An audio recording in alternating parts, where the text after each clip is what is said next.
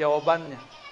Padahal kalau seorang hamba kekasih Allah itu ditahan-tahan oleh Allah Subhanahu wa taala, ya. Kemudian itu jawabannya. Wallahu a'lam bissawab.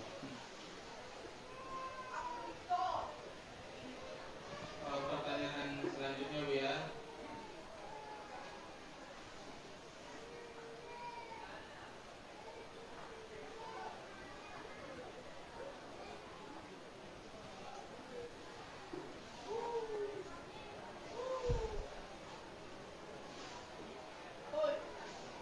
Silakan Bu ya.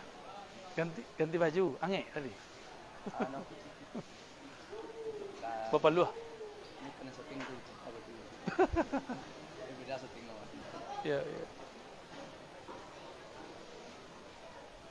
Assalamualaikum warahmatullahi wabarakatuh. Waalaikumsalam warahmatullahi wabarakatuh. Ustaz, semoga Ustaz sehat selalu dan dilindungi Allah Subhanahu wa taala. Amin. Juga juga doakan kami semua Ustaz. Satu, bagaimana cara mengontrol emosi di zaman ini Ustaz? Ya. Emosi dulu sekarang sama. Ya. Manusia itu yang yang berbeda cuma peradabannya, tapi manusia sama. Dari masa Nabi Adam sampai Nabi palsu, sama nggak? Makan. Nabi Adam makan? Tidur. Nabi Adam tidur? Kawin. Nabi Adam kawin? Ya, cemburu. Sayyidatuna Sarah cemburu kepada Sayyidatuna Hajar.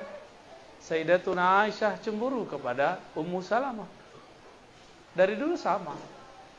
Yang berbeda adalah makomnya dalam marah. Ya. Orang hebat itu bukan orang yang bisa mengalahkan orang lain saat dia sanggup. Tapi orang hebat itu yang menahan amarahnya saat dia bisa memarahi orang itu. Allah itu lebih banyak menyebut dirinya penyayang daripada pemarah. Nama Allah yang agak sangar itu cuma Jabbar, Qahar, Muntakim, ya. Yang agak sedikit tegas Jalal. Selebihnya Rahman, Rahim, Rauf, Wadud, apa lagi? Hah? Latif. Jadi 80% asma Allah itu asma rahmah. Nama rahmah. Bahkan 90% lah. Jika Allah memulai semua surat dengan Rahman dan Rahim, kecuali satu surat ditutup juga dengan Rahim, surat Taubah. Lalu kenapa kita memulai sesuatu, menanggapi sesuatu tidak dengan Rahman dan Rahim? Ada yang lebih hebat dari Allah. Ya. Oke, ya, wallahu a'lam.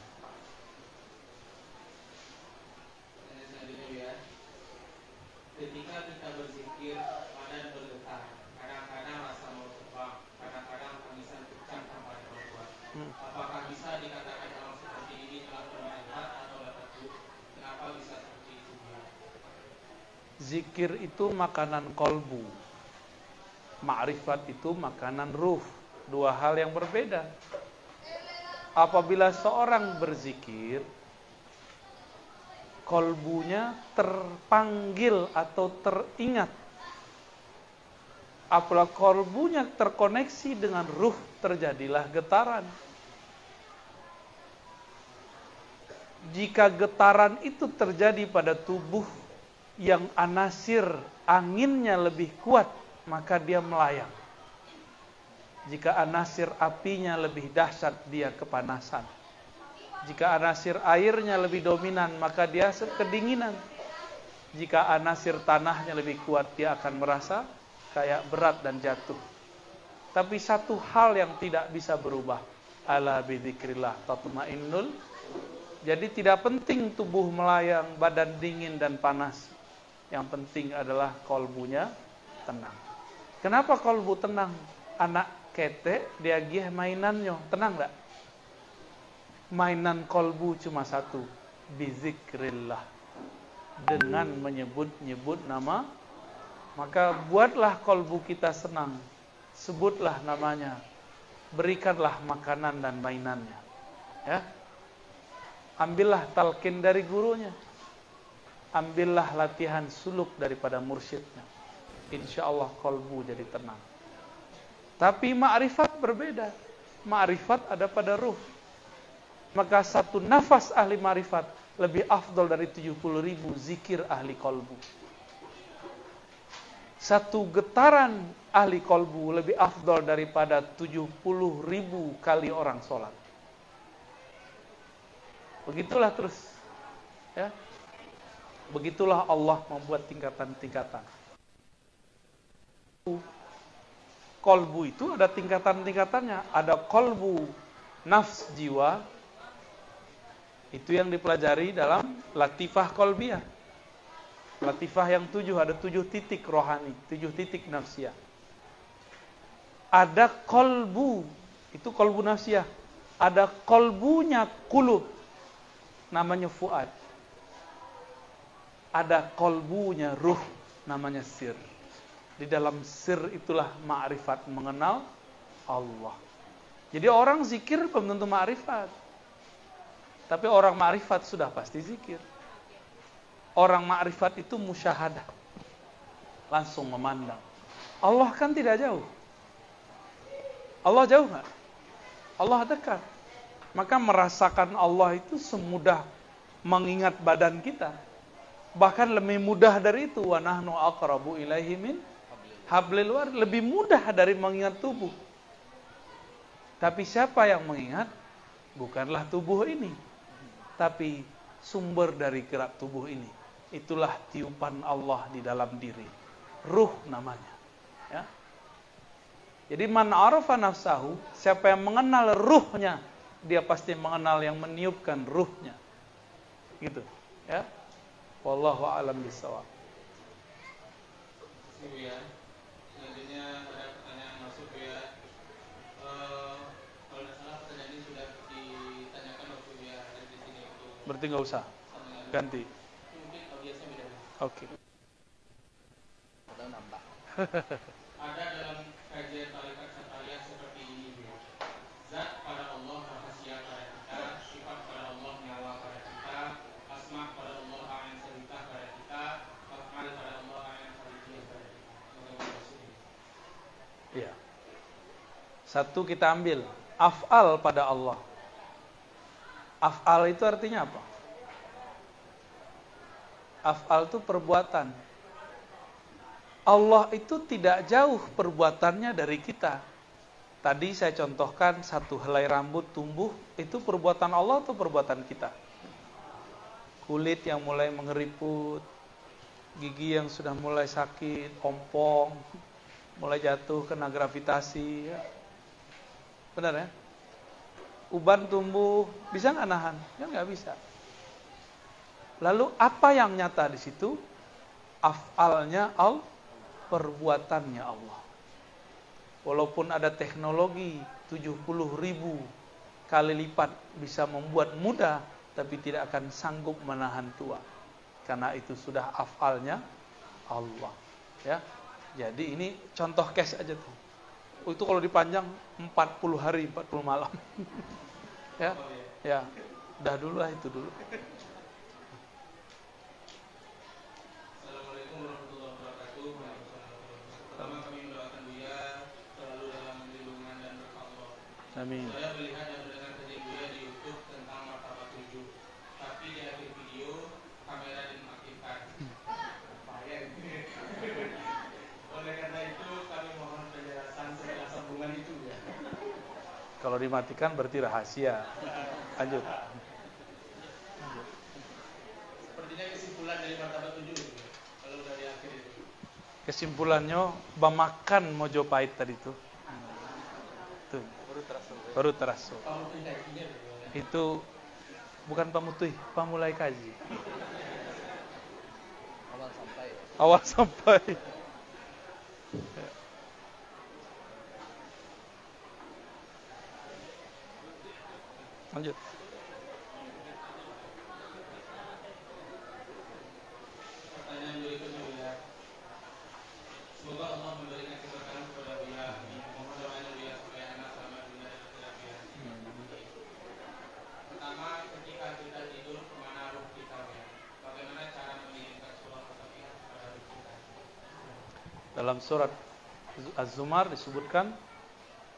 Allah yatawaffal anfusa. Ya.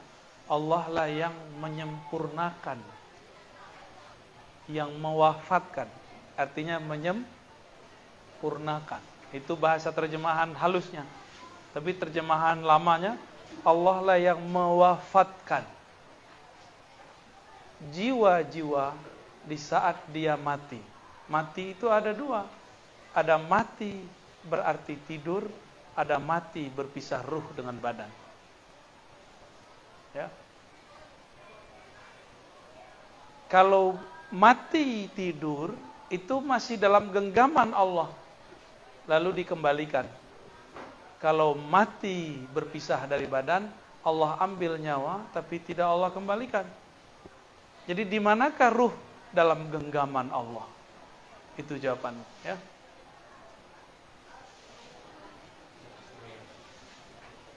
Selanjutnya ya, bagaimana cara mengetahui nama rohani kita? Apakah bacaan surah surat dapat sampai jika kita tidak mengetahui nama rohaninya? Dan jika kita tidak tahu nama roh kita, apa bisa kita bertemu dengan ibu rohani yaitu rohnya? Yang tahu nama rohani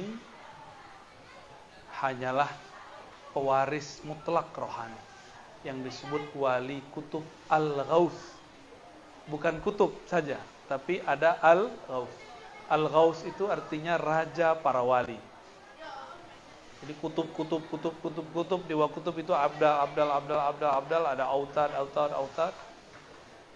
Lalu di, di atas mereka disebut dengan al-ghaus. Mereka lah tajalli mutlak zat Allah. Dan merekalah yang punya hak mengetahui dan memberi nama ruh. Di luar itu cuma nama tarekat. Gelar mursyid kepada murid itu boleh, tapi itu cuma sampai di kertas ijazah, tidak sampai di bawah mati. Ya, prosedurnya panjang nanti. Oh diberi mursyid, mursyidmu sanatnya mana? Ntar dipanjangin. Ya. Tapi kalau langsung dari al-ghaus, oh nama dari al-ghaus langsung dikasih jalan. Ya. Jadi nama ruh itu boleh disebut nama syafaat. Nama apa? Ya. Atau boleh disebut nama kelahiran ruh. Ya. Kalau kita biasanya akikahkan, diakikahkan secara fikih. Tapi dalam ilmu fikih kan tidak ada nama ruh. Sebab itu bukan bagian fikih. Itu bagian dari ilmu hakikat. Kalau dapat rezeki ya bersyukurlah kalau dapat nama ruh. Ya berakikahlah sendiri. Ya, lebih syukur lebih guru ya. Jadi bagaimana cara tahunya? Harus kenal dengan al-ghaus atau punya koneksi dengan orang yang kenal dengan al al-ghaus baru bisa dapat nama ruh. Masalahnya al-ghaus ini nyamar. Nyamar jadi orang yang paling tidak disangka dia ada seorang wali. Dia nggak ada pakai-pakai kayak kita ini nggak, jarang. Antum nggak percaya kalau dia al-ghaus Malamatiyah, ini Sayyid Malamatiyah. Penghulunya Malamatiyah. Kalau kita kan Toriko. Toriko Sufiyah. Toriko Sufiyah itu jelas. Dimulai dengan syahadat, dimulai dengan taubat, dimandikan, ada bayatnya, ada talkinnya, ada suluknya. Kalau Malamatiyah sebaliknya. Malamatiyah itu Allah itu berkalam-kalam setiap saat kepada dalam kolbunya. Maka untuk menyembunyikan kegirangannya itu, dia kemudian menghancurkan sisi egonya dengan cara memerankan sesuatu yang membuat orang berburuk sangka kepadanya. Itulah malamatiyah. Ya. Kalau beruntung nanti ketemu ya. Amin.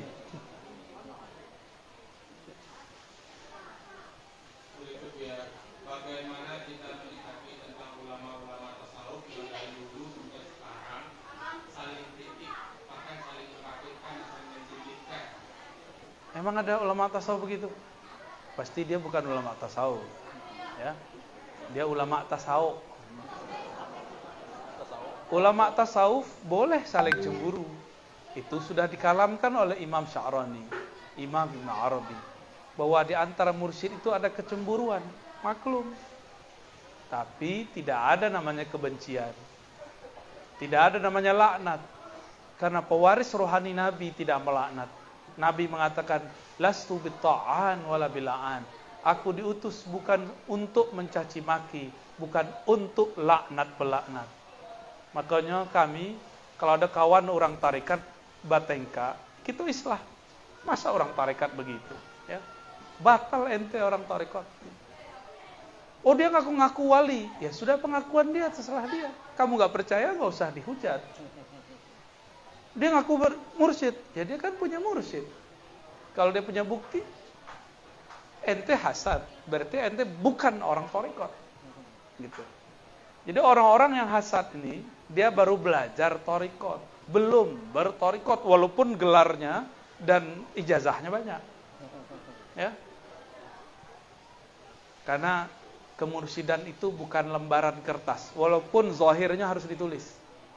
Ya, zohirnya memang harus di SIM surat izin. Ya, tapi batinnya nggak perlu sebenarnya. Cukup kepercayaan dari guru. Karena zaman sudah canggih, jadi orang bertanya mana sanatnya? Ya kita buatlah sanatnya. Ya, nanti di akhir kita akan ganti-ganti sanat nanti. Insya Allah. Biar orang-orang melihat bahwa torikot dengan torikot, guru dengan guru, itu tidak ada masalah sesama mereka. Malah mereka bersaudara, saling sebagi berbagi. Ya, nggak ada istilah, soy guru, saya yang boleh menjelaskan yang nggak boleh. Ya, siapa yang bisa nggak jamin umat itu selamat akhir kaman? Ya, kalau nggak, udahlah ya, bareng-bareng aja berusaha, ya berjuang bersama-sama. Ya, jadi nggak ada namanya ulama tasawuf saling mengkafirkan nggak ada mungkin dia ahli fikih, ahli akidah, gagal bertasawuf. Lalu mengkafirkan sesama ulama tarekat. Ya. Lanjut. Nah. Udah ini bukan minuman saya ini. ya, ya, lanjut lanjut lanjut. Ya. Assalamualaikum ya. Apabila seorang hamba telah mengerti tentang hakikat Allah, tetapi amal perbuatan masih saja yang dilarang Allah. Apa yang salah itu ya? Dari diri si hamba yang sekedar paham, tetapi tidak efek kepada diri tersebut. Udah belajar zikir kok masih maksiat gitu kali ya. Sudah bertarekat kok masih maksiat. Emang begitulah kita. Tidak ada jaminan orang bertarekat tidak maksiat. Justru ada jaminan kalau bertarekat akan semakin merasa banyak maksiat. Jadi maksiat itu rasa. Maka Allah mengatakan dalam hadis qudsi, "Wahai manusia, jika engkau tidak merasa berdosa, la ataitu aku akan datangkan kauman ya yaznibun fa'aghfiru yang mereka berdosa, merasa berdosa, lalu aku ampuni mereka. Jadi Allah itu suka dengan hamba yang merasa berdosa. Dan Allah benci kepada hamba yang sok suci. Apalagi ngadu-ngadu orang. ya Datang ke mursyid ini, jelekin mursyid yang itu. Datang ke mursyid itu, jelekin mursyid itu. Banyak kawan kita. Ya bu ya? Ya boleh korban nih. Korban gituin orang. Banyak begitu ya. Nggak usah lah. Tapi memang godaannya semakin kuat. Karena setan itu lebih dari 80 ribu tahun berzikir di langit. Maka semua zikir para mursyid dia bisa. Yang dia tidak bisa cuma satu ma'rifat aulia. Yaitu memandang dan dipandang oleh Allah Subhanahu wa taala itu yang nggak bisa iblis mursyid yang begitu yang bisa jadi wali mursyid begitu yang bisa membawa kita kempulang kepada Allah Subhanahu wa taala ya. Kalau enggak ya mursyid mursyid biasa aja ya. Mursyid biasa lumayan, yang penting bisa lah ya. ya. Kayak kita-kita ini kan enggak jelas itu. Tapi kita semangat yang besar. Allah pun berikan kompensasi besar. Amal sedikit, ma'rifat diberikan banyak. Ini akhir zaman. Ini akhir zaman. Ya, antum untuk bisa paham tadi, itu riadohnya 12 tahun loh. Saya 12 tahun mencari itu. Ya. Baru paham bab tadi itu 12 tahun. Cuma dengan ketemu sehari ini sejam dua jam langsung bisa paham ya. Ain sabitah, ain kharijiyah. Ya. Alam ini zil, Allah itu pemilik zil. Asik nggak? Ya. Rukhsah. Ya, lanjut.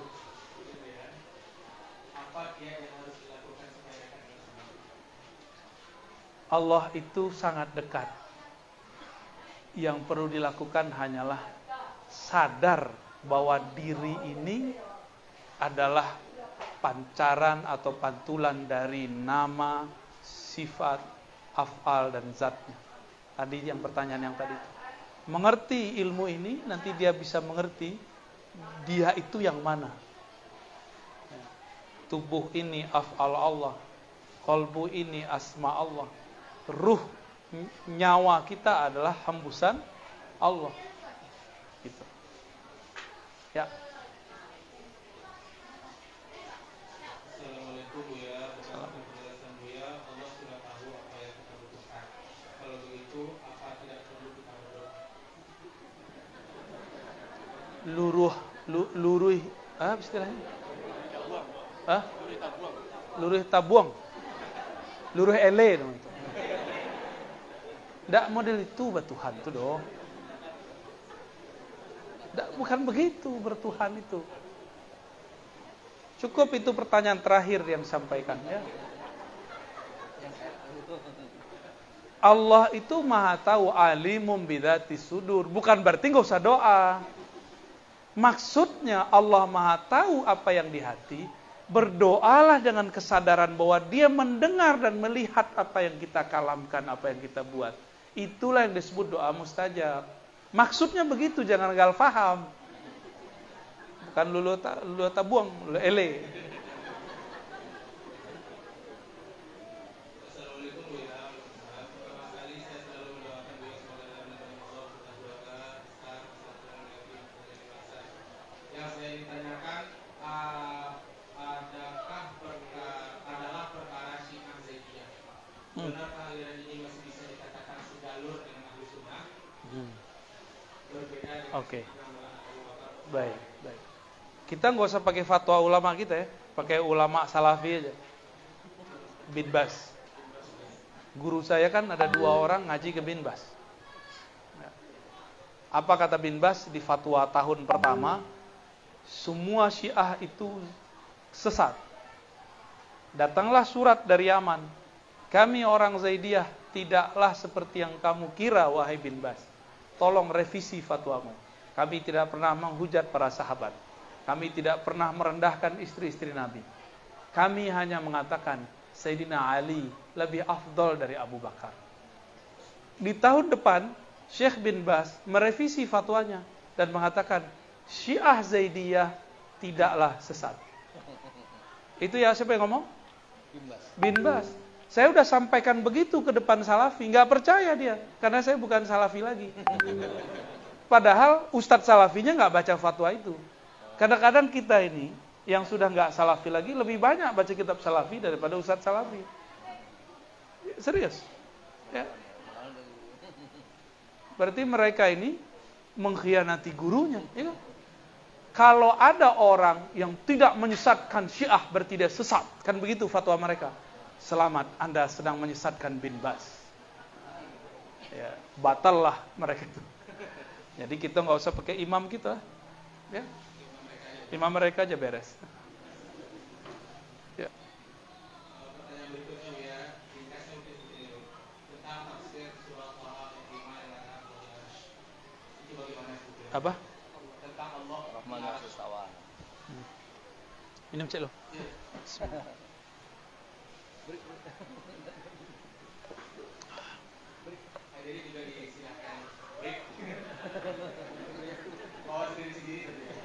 Lupa minum nak. Dia saking asiknya. Masya Allah.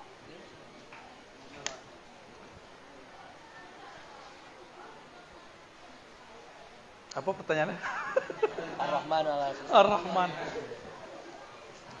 Itulah satu-satunya ayat yang menyebutkan istawa di depannya ada Rahman. Kalau orang mengerti bahasa Arab, kenapa sebelum istawa didahulukan kata Ar-Rahman?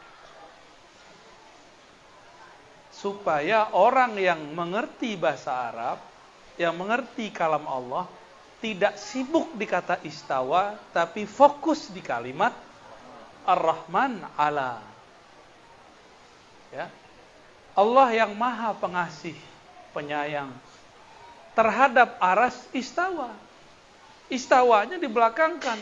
Tapi kenapa sekarang banyak orang gagal fokus, sibuk diskusi di istawa, ya? Saya katakan kepada antum semua, istawa itu gak perlu ditakwil. Ditakwil boleh. Tapi tidak perlu ditakwil. Istawa. Apa arti istawa? Hanya Allah yang tahu.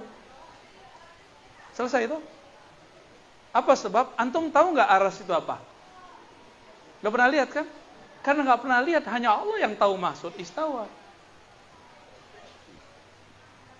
Kalau saya lagi istawa nih, duduk, makhluk. Tapi kalau Allah kan nggak begini istawanya.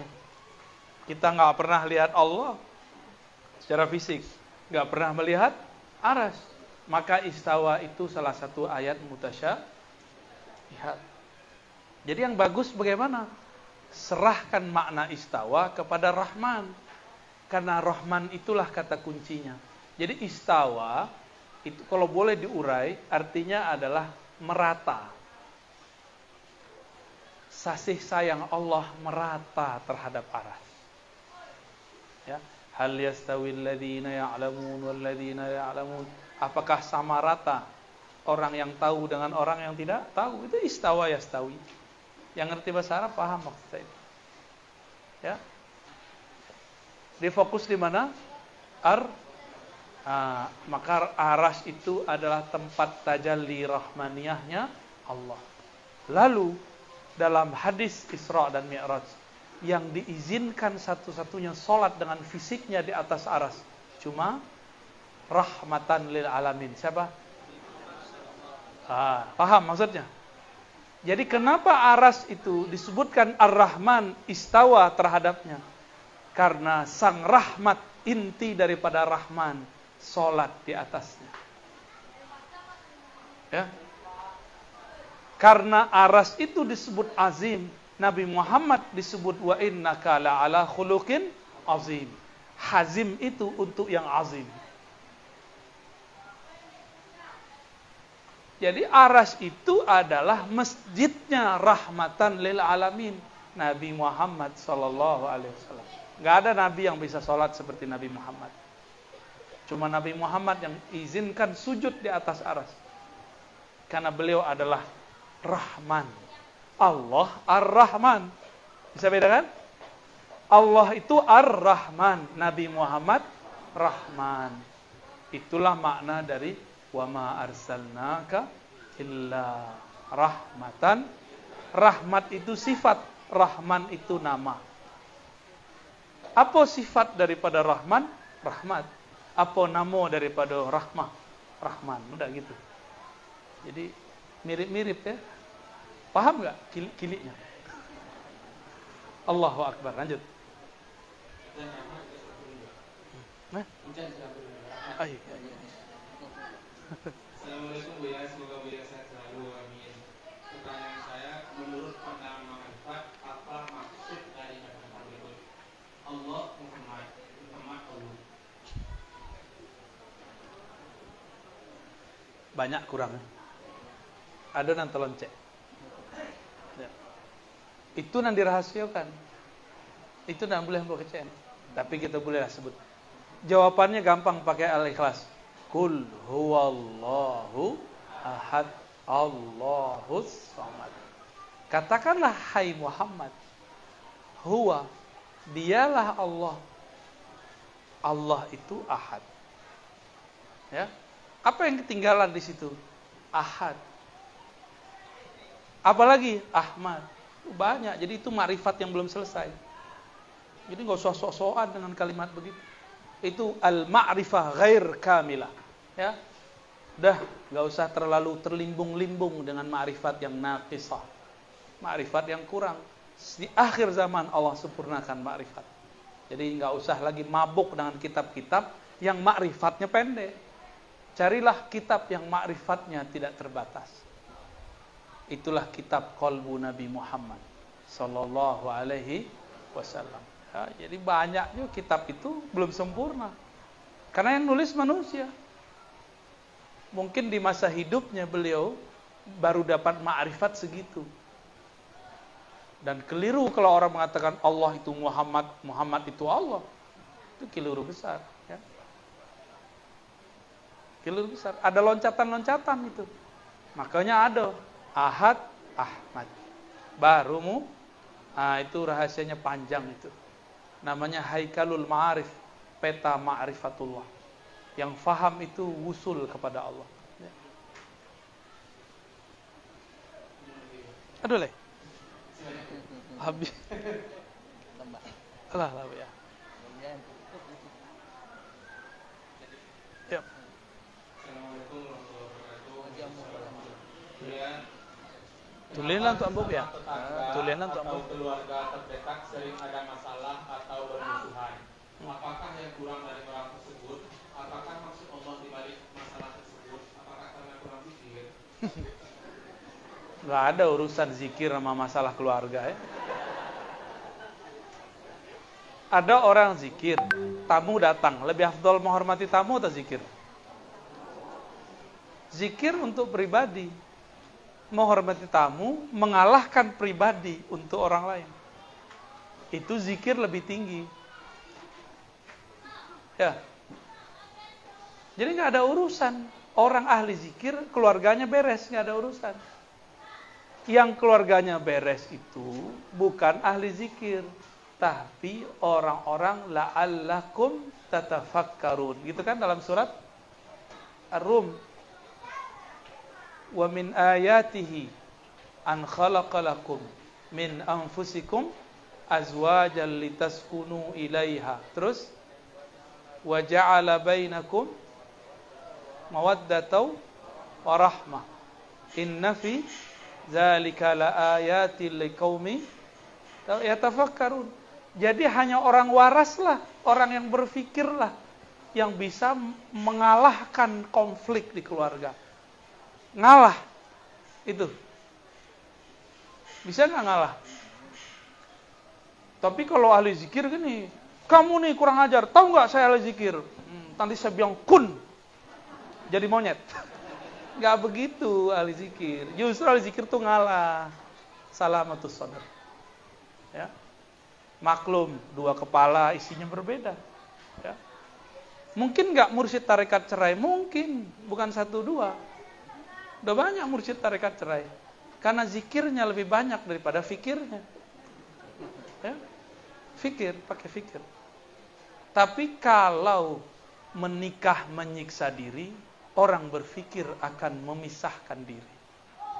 Oh berarti nggak cocok, ya sudah bisa. Dulu,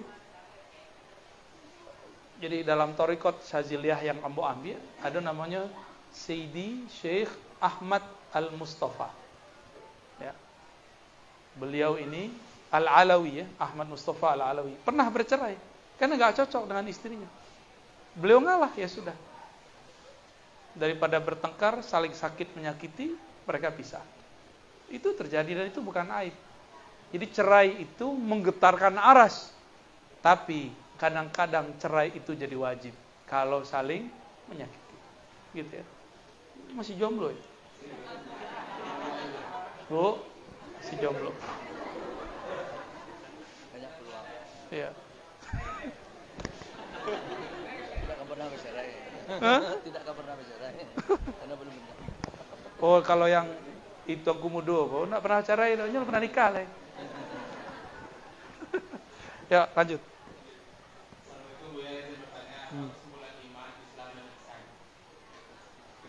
Ihsan? Islam ilmu fikih jatuhnya kepada badan dan zahir. Iman ilmu yakin jatuhnya kepada akal dan kolbu. Ihsan jatuhnya di ujungnya kolbu, awalnya ruh. Itu adalah pandang memandang dengan Allah Subhanahu. Jangan di, jangan dianggap pandang itu seperti mandang fisik, bukan. Enggak, enggak begitu. Hanya ahlinya yang tahu maknanya. Wallahu a'lam bishawab. Allah, ya. Oke. Ustaz. Tolong jelaskan perbedaan antara wahdatul wujud dan wahdatul syuhud dari Imam. Wah, mantap. Perbedaan wahdatul wujud dan wahdatul syuhud sebenarnya dua istilah ini adalah dua makom. Bukan dua hal yang berseberangan. Ya. Wahdatul wujud itu ketika si hamba merasakan wujudnya adalah bayang dari sang pemilik wujud. Maka dia mengatakan tiadalah wujudku kecuali wujud darinya. Kalau yang punya bayang tiada, adakah bayang-bayang? Maka wahdatul wujud itu cuma ada satu wujud. Bayang itu bukanlah wujud. Bayang, kita itu bayang. Fala wujuda lana haqiqatan. Secara ilmu hakikat. Maka disebut ala ma khalallahu batila. Jadi kalam wahdatul wujud itu ada di Sahih Bukhari.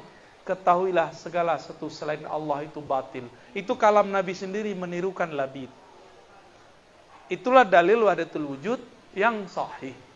Yang dikalamkan oleh Sidi Syekh Al-Qurani diulang oleh Syekh Abdul Rauf As-Sinkili. Diulang oleh beliau. Lalu ditakrir kembali oleh Maulana Al-Imam Al-Arif Billah Abdul Ghani An-Nublisi yang mempunyai semua torikot di zamannya. Ya, Abdul Ghani An-Nublisi. Beliau mensyarah semua torikot. Saking banyak torikotnya orang bingung Abdul Ghani ini torikotnya apa. Eh semua torikot itulah torikotnya. Kalau wahdatus syuhud itu adalah al-ihsan an ta'budallah ka'annaka tarah.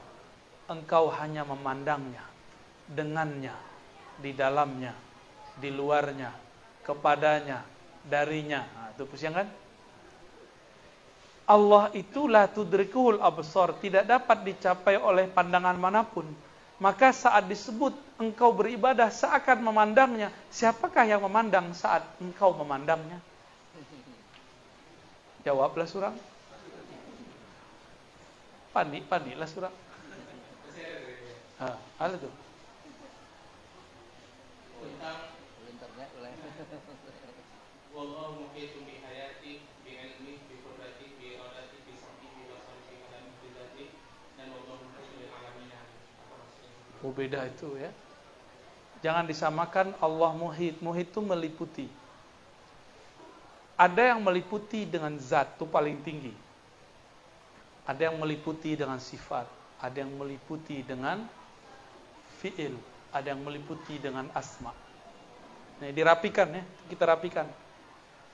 Zat Allah meliputi semua ruh.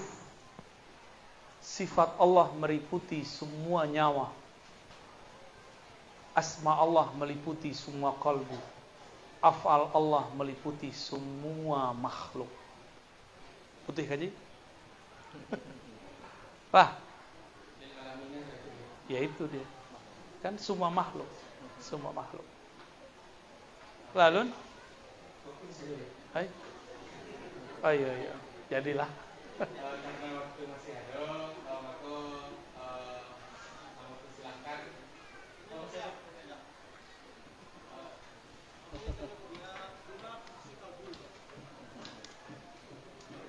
Buya, jawab.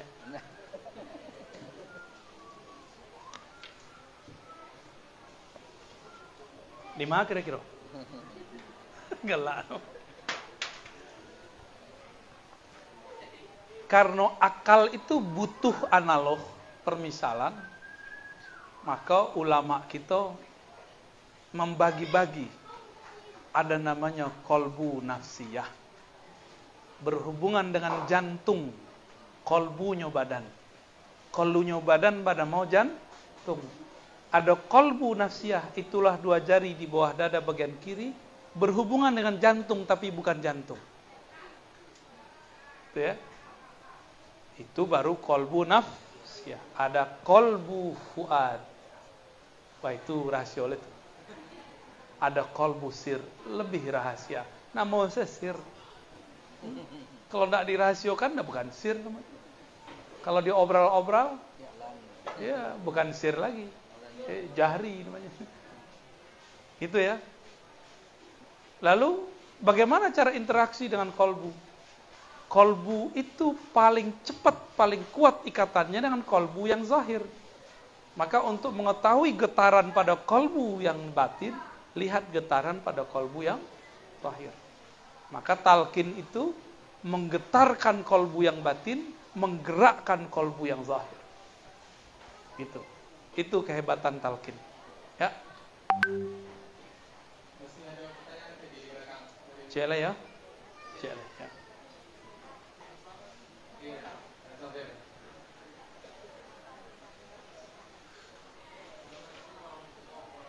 Assalamualaikum.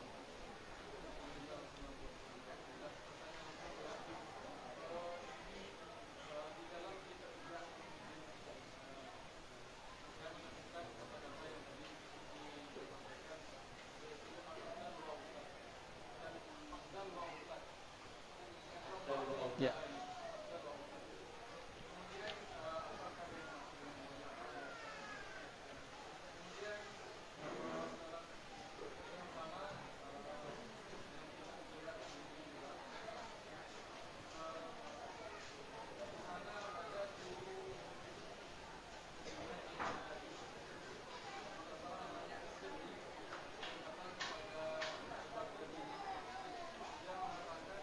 Siapa hari pakai mic?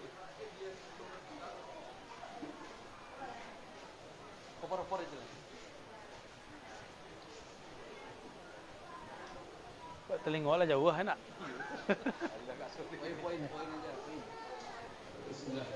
Jadi di Sa- dalam kita Sari sakti, langsung sari sakti.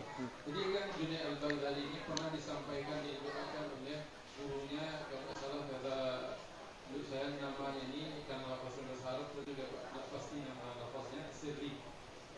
Ya Sari sakti. Sirri Sakti. Hmm. Jadi dia mengatakan didoakannya lah Junaid al-Baghdadi ini jadilah engkau nanti yaitu orang yang ahli hadis dan sufi. Janganlah engkau menjadi orang yang sufi namun tak ahli hadis. Dan permasalahan yang terjadi saat sekarang ini juga menjadi pertanyaan dalam benak saya. Ada beberapa di antara kita ini yang langsung terjun kepada ilmu tasawuf, namun tidak paham dengan ilmu fikih, Hmm. tak paham dengan ilmu hadis. Apakah bisa seperti ini dia dan mohon pencerahan baik.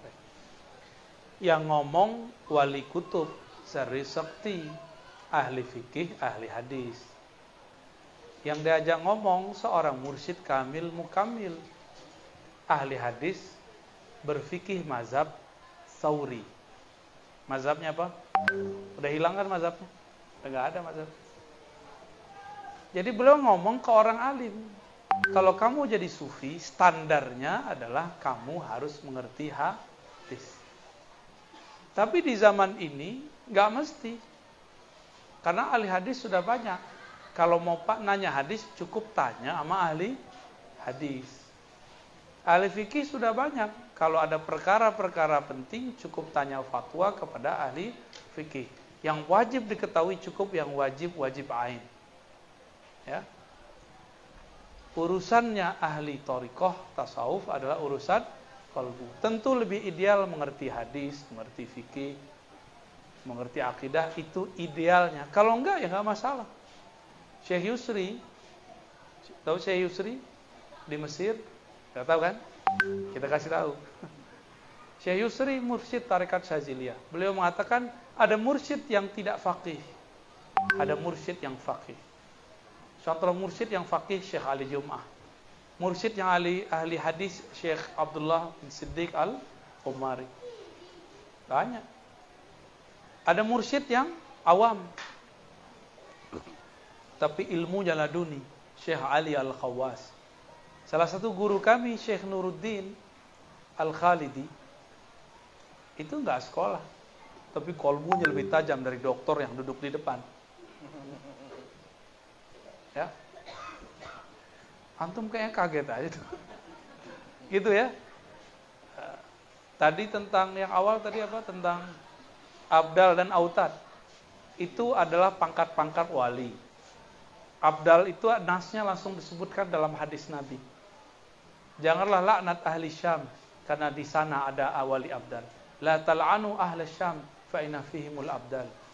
Jangan laknat ahli Syam karena di dalamnya ada wali abdal. Abdal itu artinya pengganti. Pengganti siapa? Pengganti kutub. Gitu. Ada autat. Autat itu watat tiang. Para imam mazhab semuanya autad. Imam Ash'ari itu autad. Tapi dia sebenarnya kutub. Tugasnya sebagai autad. Apa makna autad? Tiang kan ada empat biasanya. Pojok, pojok, pojok, pojok, pojok. Nah, itu disebut dengan au, autad. Itu istilah aja. Seperti dulu di Madinah, di zaman murid-murid sahabat, ada istilah fuqaha sabah. Tujuh ahli fikih di Indonesia ada istilah wali songo ya di Pulau Jawa ya, di kita kan nggak ada ya itu turun ilmunya ke orang Jawa jadi mohon maaf kita walaupun kotonya hebat nih orang Minang nih ilmu ma'rifat banyak turun di Jawa maka perdebatan Sunan Kalijogo Kalijaga itu di Syekh Siti Jenar Sunan Kalijogo itu mirip dengan Junaid al-Baghdadi yang antum sebut Syekh Siti Jenar itu mirip dengan Al-Halaj persis mirip nggak berubah Kok bisa orang Jawa membicarakan yang dibicarakan oleh wali-wali kutub di zaman sebelumnya? Canggih itu. Jadi kalau ada waktu, piknik-piknik lah ke Jawa. Ya. Kita sawak pula ilmu dari Jawa tuh. Kan ke padang pasir, saya taruh. Ya. Antum mau cari orang hafal, hafal alfiah. Itu di Jawa lebih banyak daripada di Arab. Saya jamin. Hafiz Quran lebih banyak di, di Jawa Tengah daripada di di Arab. Ambo jamin. Ya. Anak-anak kecil hafal Quran. Hafal Quran. Alfia minimal kalau tamat pesantren salaf itu bukan salaf yang ono ya. Salaf Safiyah, Salafiyah, Syafiyah. 15 matan khatam. Hafal luar kepala. Salah satunya Alfiyah. Ya, matan takrib hafal. Ah, nazam, nazam warakat hafal, nazam usul fikih hafal. Oh, nazam, nazam, nazam, nazam hafal mereka itu. Ar-Razi tidak hafal banyak. Cuma sedikit hafalnya. Tapi dapat berkah pemahamannya lebih banyak. Alhamdulillah. Mereka hafal, kita paham. Alhamdulillah. ya, gitu.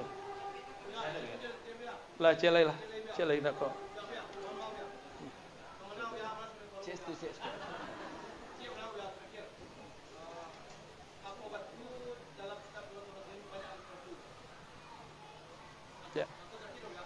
Ba- Baca langsung. Apakah yang dimaksud dengan nikah batin? Bolehkah atau halalkah dalam Islam? Waduh, nikah batin. Nikah batin kawinnya pakai batin ya. Maharnya pakai butun. Saya nggak tahu istilah nikah batin. Ya. Kalau ada, wallahu alam. Kalau nikah dengan nama ruh ada, tapi kalau nikah batin kami nggak tahu. Ya. Si nikah tapi nyebut nama ruh itu bisa.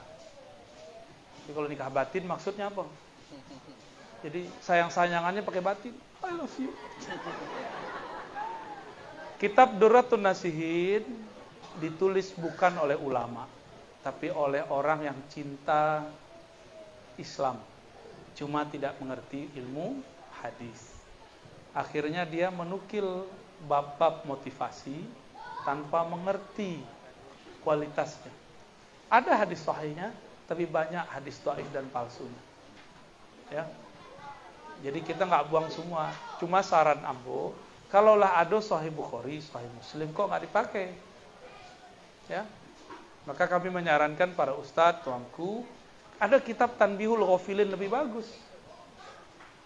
Ada kitab Fadilah Amal lebih bagus daripada Duratun Nasihin yang mengarangnya sampai sekarang nggak ketemu siapa orang ini.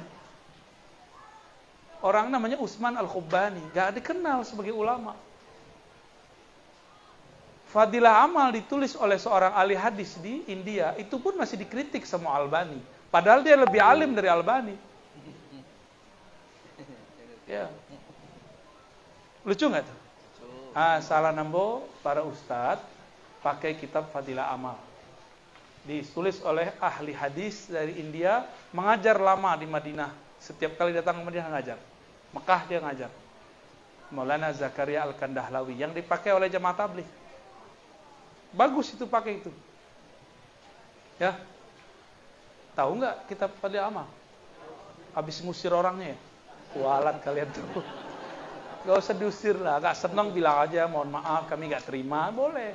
Tapi gak usah disuruh-usir ya. Carikan tempat, mereka kan tamu. Mereka tamu. Ya. Torikohnya beda, torikohnya nginap di masjid, nginap di masjid gitu. Ya ini ada mantannya gitu. Ya itu riadohnya. Ya, jangan suuzon sama orang. Kata orang torikot kok suuzon. Ya. Torikot setan nanti itu. Cukup ya? Hashim Maulana Ahmad Syazili. Ah, kami ingin mengamalkan tradisi ahli hadis, ahli fikih, ahli torikot lama. Ingin saling mengijazahkan satu sama lain. Ambo Al-Fakir Ar-Razi Asyid, kado buya tuangku kerajaan Zulhamdi. Ya. Tahu ya? Abu ya lah dulu. Yo, ya apa? Aku kan di diperintah. Pengen DP barokah lah gitu.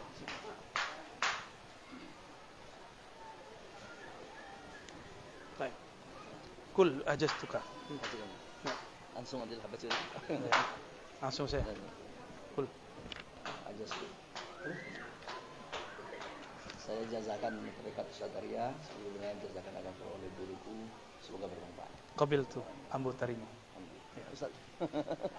Di Bali ya? Aja. Aku Al-Fakir Ar-Razi Hashim mengijazahkan Buya Tengku Kerajaan Zulhamdi Bismihi Bismi Ruhihi Insan Kamil Tariqah Naqsyabandiyah Al-Khalidiyah Kama ajazani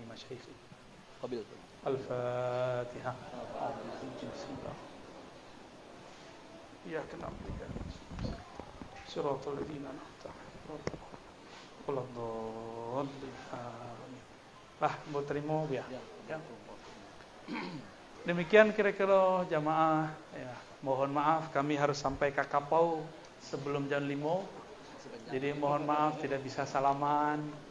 Cukup salaman bil kulub bil hati ya. Ah, doa boleh. Ya. siapa doa Jadi sebelum acara kita akhiri, uh, maka marilah sama-sama kita minta uh, doa kepada dunia, doa untuk kita bersama, doa untuk pesantren kita, guru-guru kita, untuk kita dan seluruhnya. Ya, izin bu ya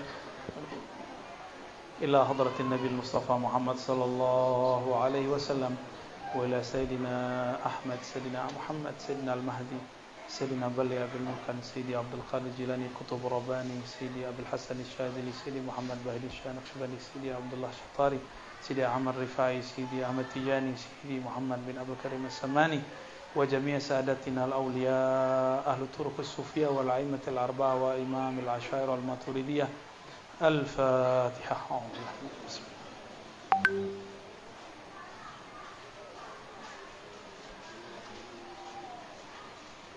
Allahumma ya Rahman Rahim Salli ala Sayyidina Ahmad Ya Allah sampaikan salam kami kepada Nabi Muhammad Allahumma ya Ahad Salli ala Muhammad Ya Allah sampaikan salam rindu kami kepada ayah ruh kami Nabi Muhammad Allahumma ya Allah Sampaikan rindu kami, cinta kami kepada kekasih engkau. Nabi akhir zaman Sayyidul awwalin, Sayyidul akhirin Sayyidina Muhammad sallallahu alaihi wasallam. Assalatu wassalamu alaika ya Sayyidana ya Rasulullah. Wahai baginda Rasulullah Sampaikanlah Jawab jugalah jawab salam dari kami. Salam, salam atas engkau. Salawat da Allah kepada engkau Ya ghaffar ya ghafur Ighfir lana dunubana wali walidina Warhamhum kama rabbana siara Ya Allah dosa kami banyak Dosa mata, dosa telinga, dosa tangan, dosa kaki Dosa kemaluan, dosa hati dosa sombong, dosa iri, dosa deki, dosa lalai, dosa tidak khusyuk, dosa berprasangka. Ampunkan dosa kami yang kami sadari, yang kami tidak sadari. Apalagi dosa kepada orang tua, dosa kepada ayahanda, dosa kepada ibunda, dosa kepada guru-guru kami karena kami suul adab buruk adab kepada mereka. Ampunkan kami ya Allah. Hiasi kami dengan sifat jamalmu ya Allah. Kuatkan kami dengan jalalmu ya Allah. Baca sama-sama. Ya Allah.